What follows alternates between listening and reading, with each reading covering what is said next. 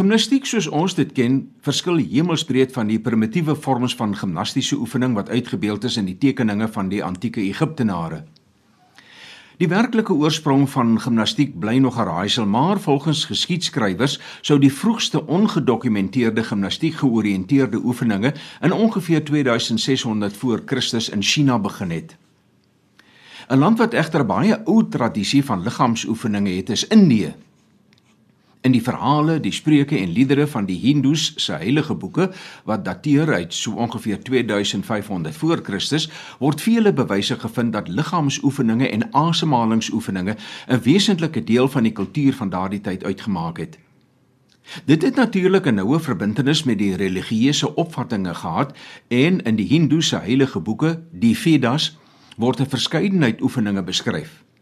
So byvoorbeeld is daar rompoefeninge eenvoudige behendigheidsoefeninge wat bestaan uit kopstande en handstande ensovoorts, asook oefeninge met handgereedskap. Die klouteroefeninge teen pale en toue was ook besonder interessant deurdat die gimnaste, as 'n mens hulle so kan noem, op en af moes klim met hulle koppe na bo en na onder.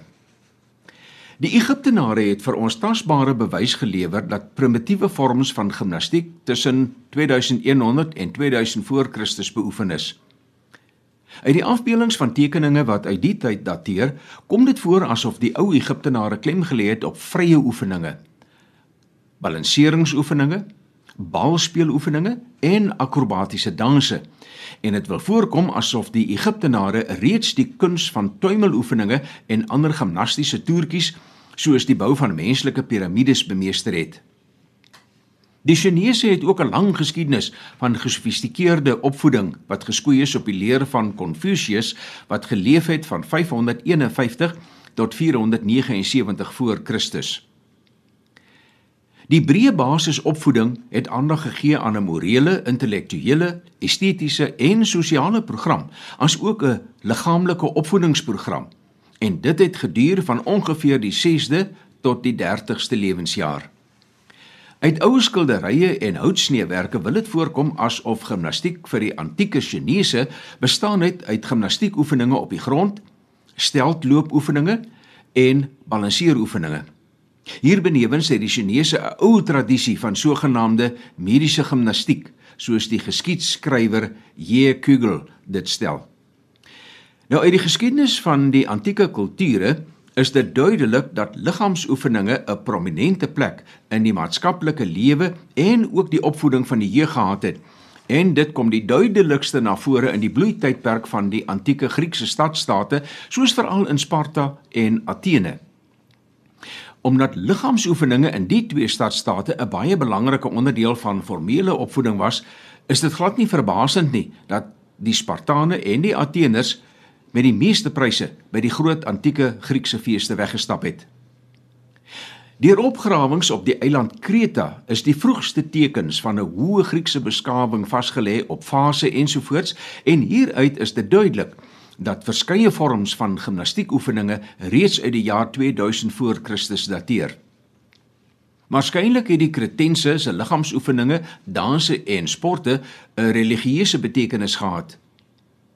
Met die verhuising van 'n aantal menoors van Kreta af na die noordwestelike deel van die Peloponnesiese skiereiland in so ongeveer 1650 voor Christus na 'n reeks aardbewings het die voorgriekse of die argaïese beskawing tot stand gekom. En dis interessant dat benewens 'n verskeidenheid sportiewe aktiwiteite soos boks, boogskiet, hardloop ensovoorts wat beoefen is, die mense ook danse en akrobatiese toertjies uitgevoer het. Sportbeoefening het 'n al belangriker plek in die Griekse beskawing ingeneem en teen die einde van die argaïese periode, dis nou so ongeveer 500 voor Christus, was die groot religieuse spele soos die by Olimpia, Korinte, Delphi en ander reeds goed gevestig. Gedurende die periode 700 tot 300 voor Christus het die Atheners groot klem gelê op die ontwikkeling van die perfekte liggaam terwyl die Spartane wat ook aandag gegee het aan liggaamlike opvoeding eerder gekonsentreer het op die stoei en hardloop as voorbereiding vir militêre doeleindes. Vir die Ateners was grasieuse beweging belangriker as die daarstel van krag, afstands of spoedrekords en dit is hier waar moderne gimnastiek sy oeroorsprong het. Gimnastiek is afgelei van die Griekse woord gymnasium wat verwys het na 'n plek waar atlete nakend geoefen het. So 'n gimnasium was gewoonlik 'n binnehof wat omring was van pilare met ruimtes waar onder andere hardloop, gespring en oefeninge gedoen is. Die belangrikste gimnasiums in Athene was die Academia, Lyceum en Synosargus.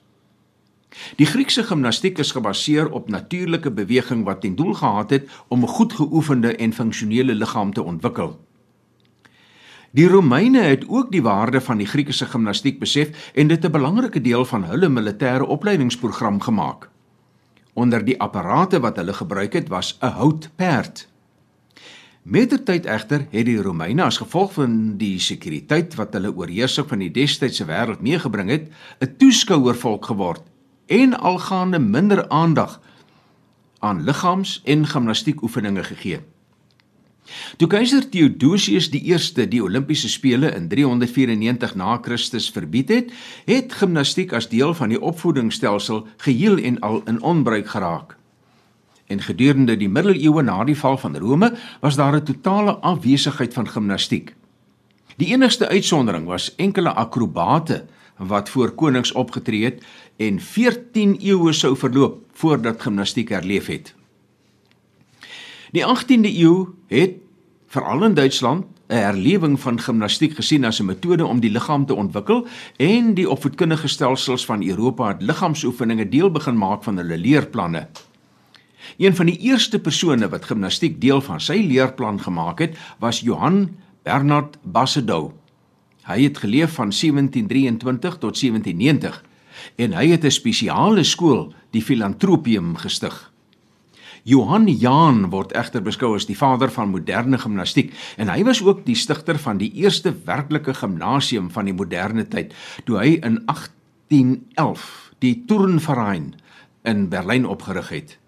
Hy het baie klem gelê op versterkingsoefeninge en vir die doel het hy verskeie apparate ontwerp, soos die brug, die ringe en die rekstang. En hy was ook later die stigter van die Duitse gimnastiekvereniging. Johann Pestalozzi, wat 'n bietjie ouer as Jan was, se bydrae tot gimnastiek verdien ook vermelding, aangesien hy beskou word as die man wat vrystaan oefeninge en kamergimnastiek uitgedink het.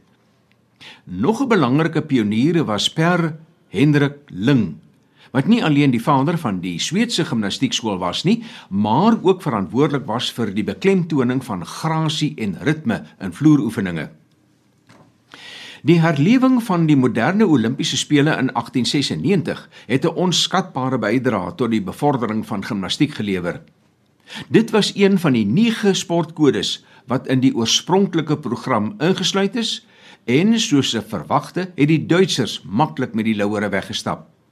Daarna in 1948 het die Switsers, Italianers en Swede die Duitsers die stryd aangesê om die internasionale en Olimpiese toneel te oorheers.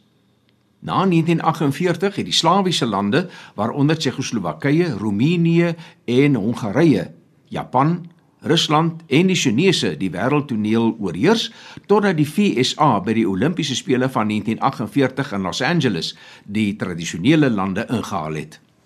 Johan Rousseau vir RSG Sport.